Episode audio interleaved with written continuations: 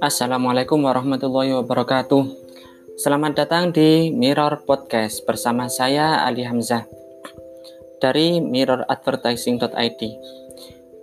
Mirror Podcast dipersembahkan oleh mirroradvertising.id, online digital printing spesialis.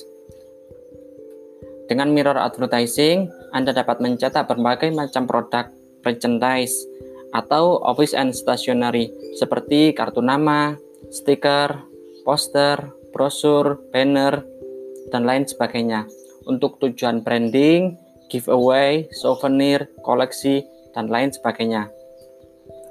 Silahkan kunjungi mirroradvertising.id. Itu alamat website ya. Ketikkan di browser Anda mirroradvertising.id. Pakai double R. Dan gunakan kode kupon podcast untuk mendapatkan subsidi ongkos kirim di mirroradvertising.id. Oke, podcast kali ini kita akan membahas tentang 5 tahap untuk jualan online agar bertahan sampai bertahun-tahun.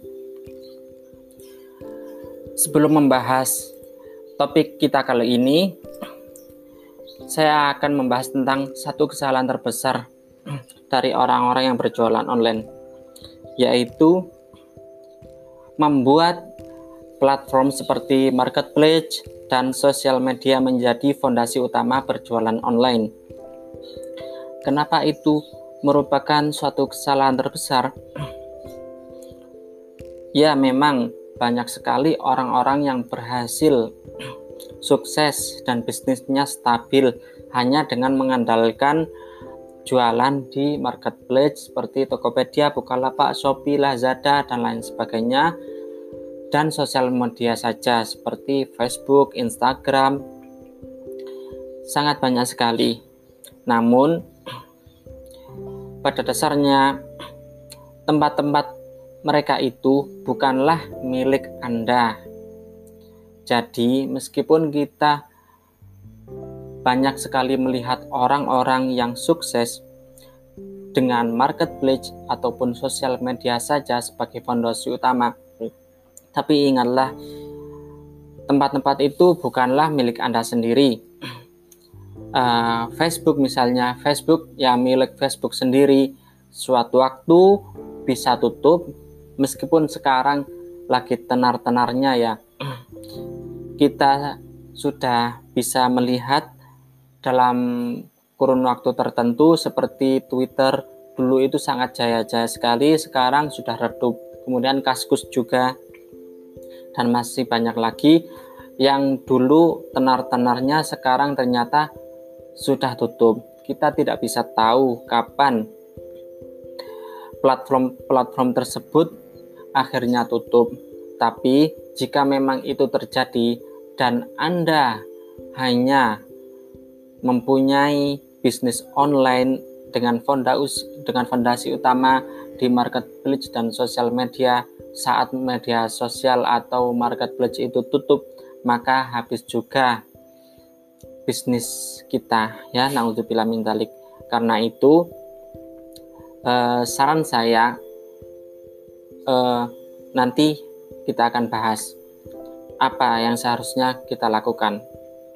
Kemudian, uh, meskipun dalam jangka panjang masih stabil ya, misalnya seperti Facebook itu kan sudah uh, berpuluh-puluh tahun ya, mulai 2004 itu belasan tahun ya, lebih tepatnya.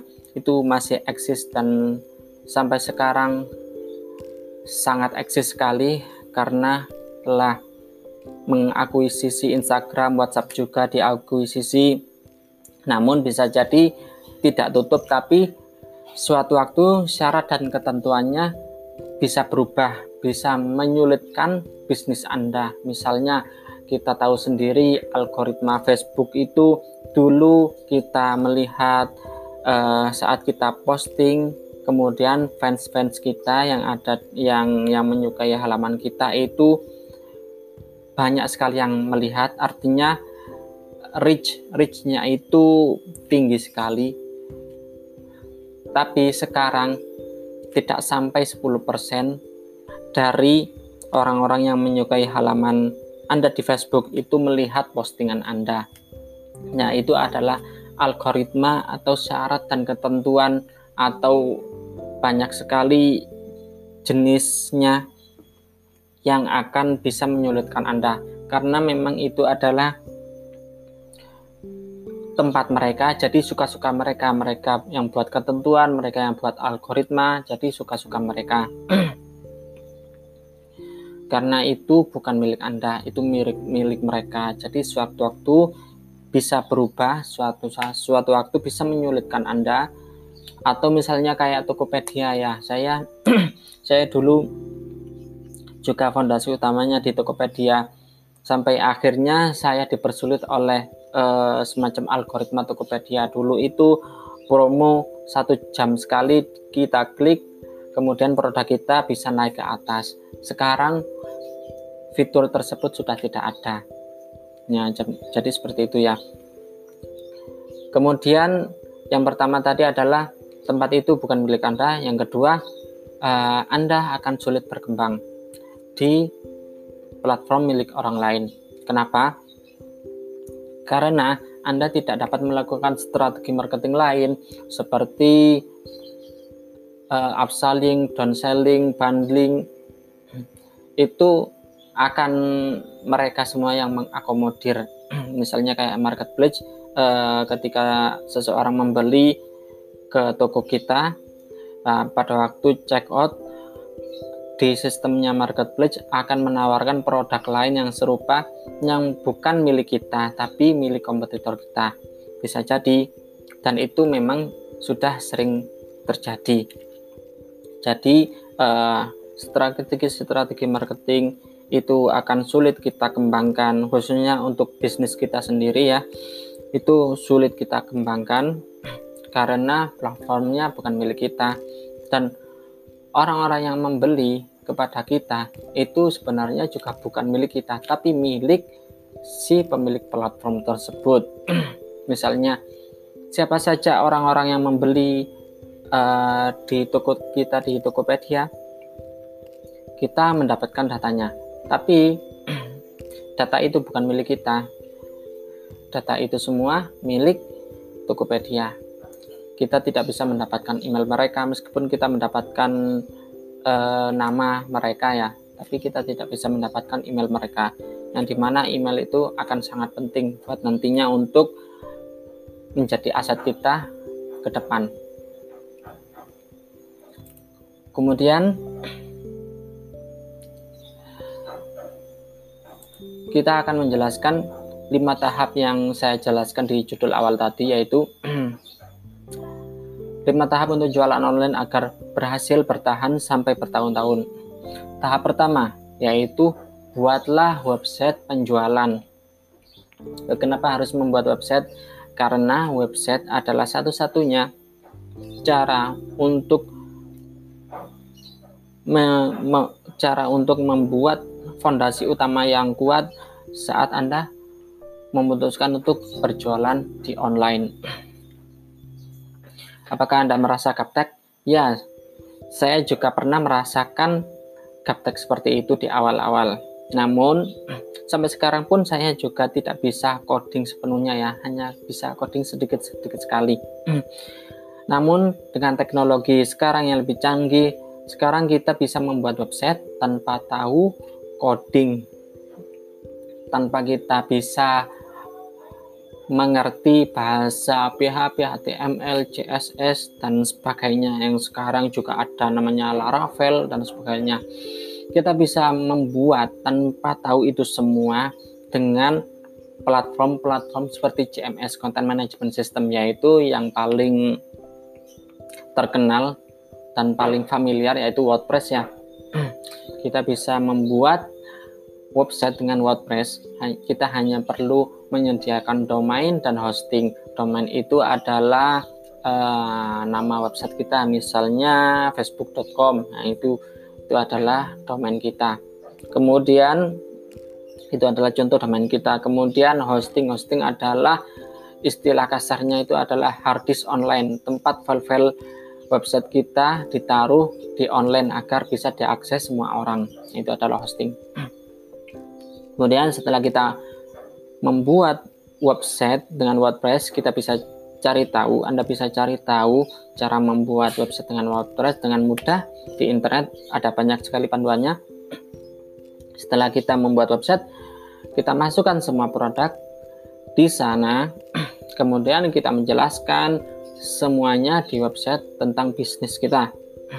Misalnya cara order bagaimana, menerima pembayaran apa saja, uh, pengirimannya melalui ekspedisi apa saja, dan lain sebagainya. Syarat ketentuannya bagaimana dan lain, dan lain sebagainya. jadikan website itu token to, jadikan website itu toko online utama Anda. Anda bisa membuat website yang sederhana. Misalnya hanya berupa landing page saja. Landing page adalah sebuah halaman khusus yang sudah didesain untuk menjelaskan produk Anda secara detail mulai dari uh, kebutuhan customer, menjelaskan kebutuhan customer, kemudian memberikan solusinya dan akhirnya menjelaskan produk kita kemudian diakhiri dengan tombol call to action dan bagaimana cara ordernya atau membuat website secara kompleks seperti toko online yang memang profesional ya seperti Baribengka kemudian yang intinya ada keranjang belanjanya yang bisa hitung ongkos kirim otomatis dan bisa check out seperti itu.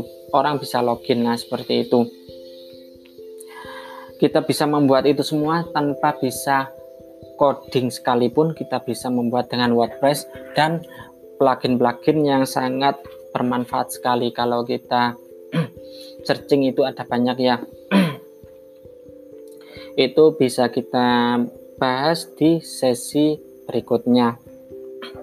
Kemudian setelah tahap pertama yaitu kita harus membuat website lanjut ke tahap kedua yaitu uh, bagaimana mendapatkan penjualan pertama kita?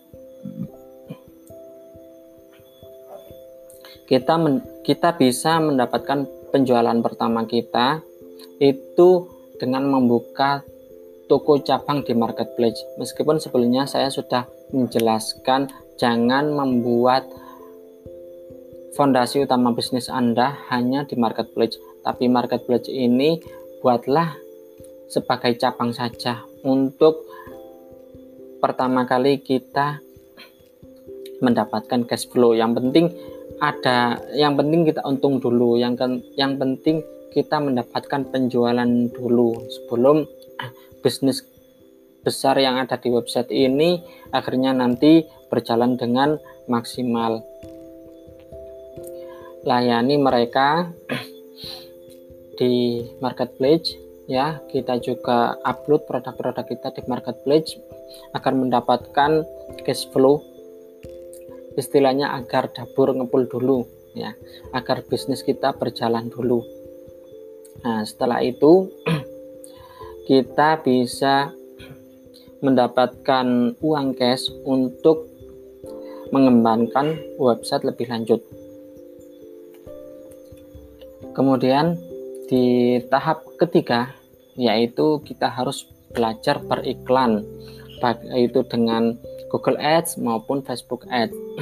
Kenapa harus beriklan? Kenapa tidak mengandalkan SEO saja?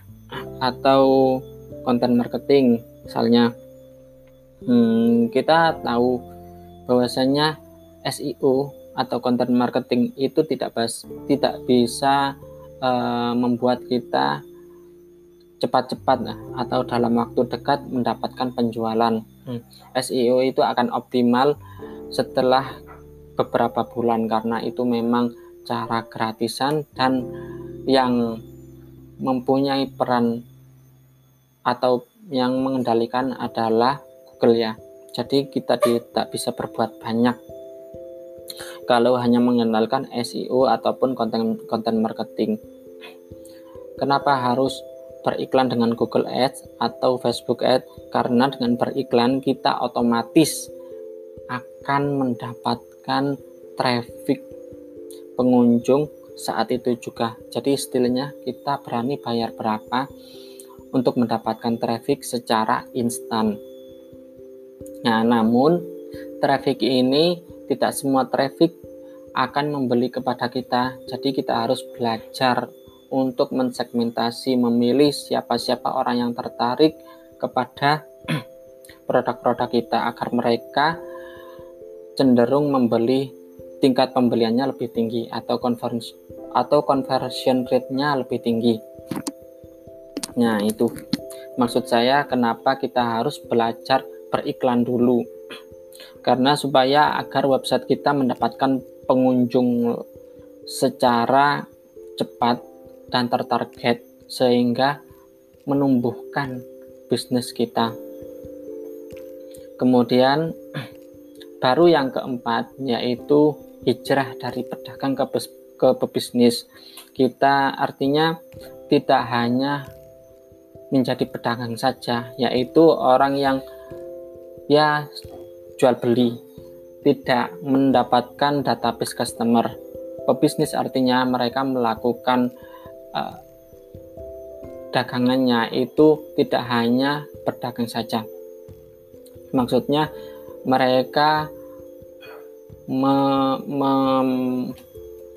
mengambil database pembeli, kemudian men-engage atau um, meng, apa ya memberikan rasa percaya atau mengenalkan mereka lebih dalam pembeli pembeli mereka agar tahu lebih dalam kepada kita.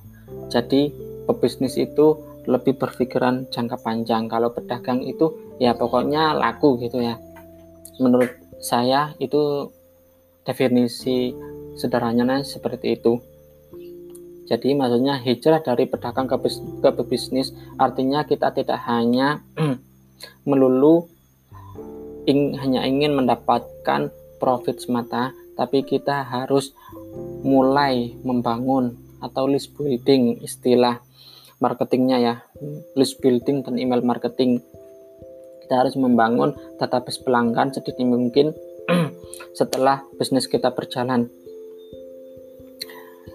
Dan kemudian kita juga membangun produk-produk kita agar lebih stabil di hasil pencarian dengan SEO kemudian kita juga membuat konten marketing agar orang-orang yang belum mengenal kita akhirnya mengenal kita. Dan kemudian kita funneling ke produk kita. Artinya setelah orang-orang mengenal kita melalui konten marketing, kita arahkan mereka ke produk kita. Seperti itu. Tahap ini di tahap dari hijrah pedagang ke bisnis ini tidak akan memberikan kita dampak langsung. Tapi dampak dalam jangka panjang. Karena membuat orang-orang ingat kepada toko kita, membuat mereka percaya, membuat mereka loyal adalah suatu PR yang sangat panjang dan itu harus kita lakukan karena bisnis online itu menurut kalau tidak salah Tony Shah itu bisnis online itu dan Tony Shah adalah pendiri Zappos yang sekarang sudah diakuisisi oleh Amazon. Bisnis online itu dibangun dari pelanggan yang loyal. Jadi, jika kita ingin seperti judul yang tadi yaitu mempunyai bisnis online yang bertahan sampai bertahun-tahun. Kita harus membangun kepercayaan pelanggan, mengenalkan mereka kepada kita. Belum tentu loh orang yang sudah membeli kepada kita itu masih ingat kita. Apakah Anda ingat terakhir kali Anda membeli apa dan ap dan apakah Anda ingat penjualnya siapa? Nah, itu adalah salah satu contoh bahwasanya tidak semua orang yang menjual uh, maksudnya tidak semua orang yang membeli itu mengingat penjualnya jadi kita harus mengenalkan mereka kembali membuat mereka percaya membuat mereka loyal dan akhirnya kembali dan kembali kepada kita saat mereka butuh kemudian tahap yang terakhir atau tahap yang kelima yaitu buat strategi marketing kepada database pembeli kita. Strategi marketing Di antaranya kita bisa upselling, downselling, bundling. Upselling itu seperti contoh uh, saat orang membeli A, kemudian kita tawarkan B. Itu uh, sangat umum terjadi. Misalnya kita ke toko-toko Alfamart atau Indomart itu kita bisa kita bisa melihat contoh dari upselling atau downselling misalnya uh, orang membeli A dengan harga sekian misalnya 500.000 kemudian downselling kita tawari mereka produk dengan harga yang lebih rendah misalnya 300.000 atau 100.000 gitu ya. Kemudian bundling bundling adalah paket. Jadi kita menawarkan kepada mereka paket misalnya kita saat beli sesuatu di toko gitu ya kemudian kita ditawarkan paketnya dulu. Padahal kita tanyanya uh, yang ini berapa langsung ditawari paket nah itu adalah contoh strategi bundling kemudian menyapa orang-orang yang tidak belanja dalam waktu yang cukup lama. Misalnya orang ini belanja terakhir kali 6 bulan yang lalu kemudian kita sapa. Nah, kemudian meminta ulasan memberikan hadiah kepada orang-orang yang belanja di atas rata-rata, dan masih banyak lagi strategi marketing lain yang bisa kita terapkan di website toko online kita. Oke, itu saja lima tahap cara berjualan online agar berhasil bertahan sampai bertahun-tahun. Terima kasih. Jangan lupa kunjungi mirroradvertising.id. Itu alamat website ya. Ketika di browser Anda mirroradvertising.id pakai double R dan gunakan kode kupon podcast untuk mendapatkan subsidi ongkos kirim di mirroradvertising.id. Saya akhiri. Wassalamualaikum warahmatullahi wabarakatuh.